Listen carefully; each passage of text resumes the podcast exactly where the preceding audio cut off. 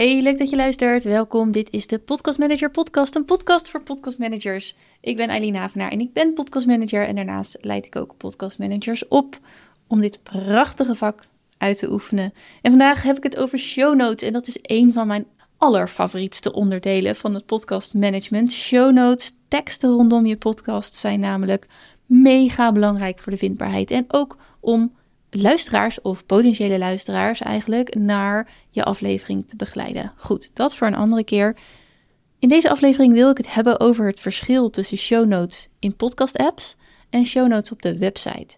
Ik kreeg van de week deze vraag in mijn LinkedIn DM en ik vond het echt een superleuke vraag.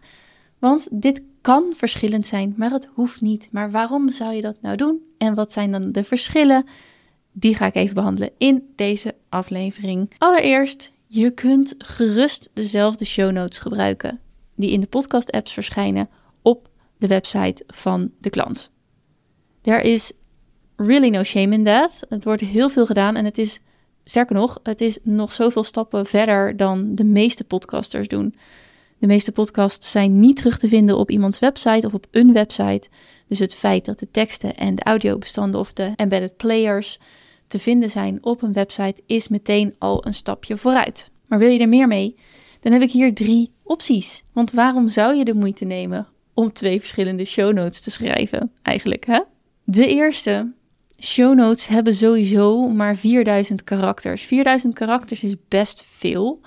Daar kun je best een goede korte blogpost. Ja, tegenwoordig zijn blogs natuurlijk ook kort of heel lang, maar je kunt daar uh, eh, 4000 karakters is echt voldoende om een mooi uh, samenvattend verhaal en wervend verhaal te schrijven over wat de luisteraar gaat vinden in de podcastaflevering.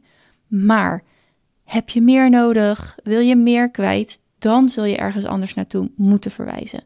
En als podcastmanager kan jij de show notes in de podcast apps en de omschrijving op de website echt prachtig op elkaar aan laten sluiten. Optie nummer 2. Het kan een hele slimme strategie zijn om luisteraars naar de website te krijgen. Kijk, als een podcast een marketingmiddel is en dus bedoeld om luisteraars tot een bepaalde actie te brengen, om, om die een bepaalde actie te laten ondernemen. Denk aan het kopen van een boek of het boeken van een kennismaking of het downloaden van een, uh, van een weggever. Dan zul je ze vaak toch naar de website moeten begeleiden. Eenmaal op de website kun je dan vervolgens de aandacht vestigen op waar je ze daarna naartoe wilt hebben. Maak het dan gemakkelijk voor ze. In de show notes van de podcast kun je de brug slaan naar de omschrijving op de website. Schrijf wel altijd iets in de show notes. Er is echt niet zo'n afknapper als in de show notes alleen maar een linkje vinden met klik hier voor de show notes. Echt, joehoe, koude douche. Dan optie nummer drie. Het kan namelijk ook andersom werken.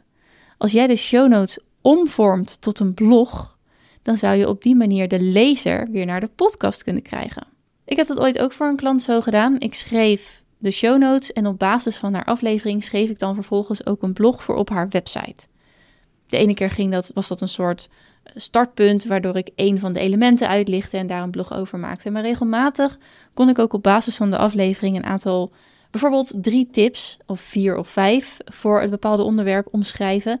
En een van de tips was dan: hey, beluister ook deze aflevering die ik erover heb opgenomen en waarin ik dieper inga op A, B en C. Dus op die manier kon iemand die de blog vond overgeheveld worden, of, of in ieder geval ook podcastluisteraar worden. En de reden hiervoor is natuurlijk dat als je iemand hoort, dat als iemand naar jouw podcast luistert, dat je echt een verbinding aangaat. Ja, dat hebben jij en ik nu ook. Ik, ik weet natuurlijk niet wie je bent, want je bent mijn luisteraar. Maar je hoort me vertellen, je gaat echt een verbinding met mij aan. Je kan nog beter bepalen van, hey, is dit de persoon die bij mij past? Is dit de persoon die ik als opleider zou vertrouwen? Weet ze wel genoeg? Uh, wil ze me echt helpen om verder te komen in dit vak? Nou, het antwoord daarop is natuurlijk allemaal ja. Althans, ik kan niet voor je zeggen of je mij als opleider zou willen vertrouwen, maar ik kan hiermee wel aan jou bewijzen dat ik gewoon wil dat het vak podcastmanagement in Nederland nog veel groter gaat groeien en dat jij vol vertrouwen dit kan aanbieden. Of je dat nu alleen doet op basis van mijn podcast of dat je ook de opleiding volgt, uiteindelijk is dat aan jou. Maar op deze manier kun je dus een verbinding aangaan met degene die leest en die vervolgens luisteraar wordt. Want lezen is echt anders dan luisteren. Het is gewoon, nou, het werkt prachtig samen. Ik ga helemaal vanuit de show notes. Uh, dwaal ik af, dus we gaan weer even terug. Hoe je goede show notes schrijft en welke format je daarvoor kunt gebruiken. En waarom show notes zo belangrijk zijn, dat komt natuurlijk ook allemaal terug in de opleiding tot podcast manager. En om te zorgen dat jij als podcast manager jouw klant hier zo goed mogelijk en zo relaxed mogelijk bij kan helpen, hebben we het daar ook uitgebreid over. Je kunt trouwens, dikke business tip, jezelf uh, specifiek als show notes schrijver in de markt zetten. Als je dat leuk vindt of als je bijvoorbeeld op je schrijftalent wilt excelleren. Het is namelijk superleuk en duidelijk. Je hebt een heel duidelijk verhaal richting je klant. Want door duidelijk te zijn, kiezen de klanten die echt zoeken wat jij biedt veel sneller voor jou. Dankjewel voor het luisteren en tot de volgende.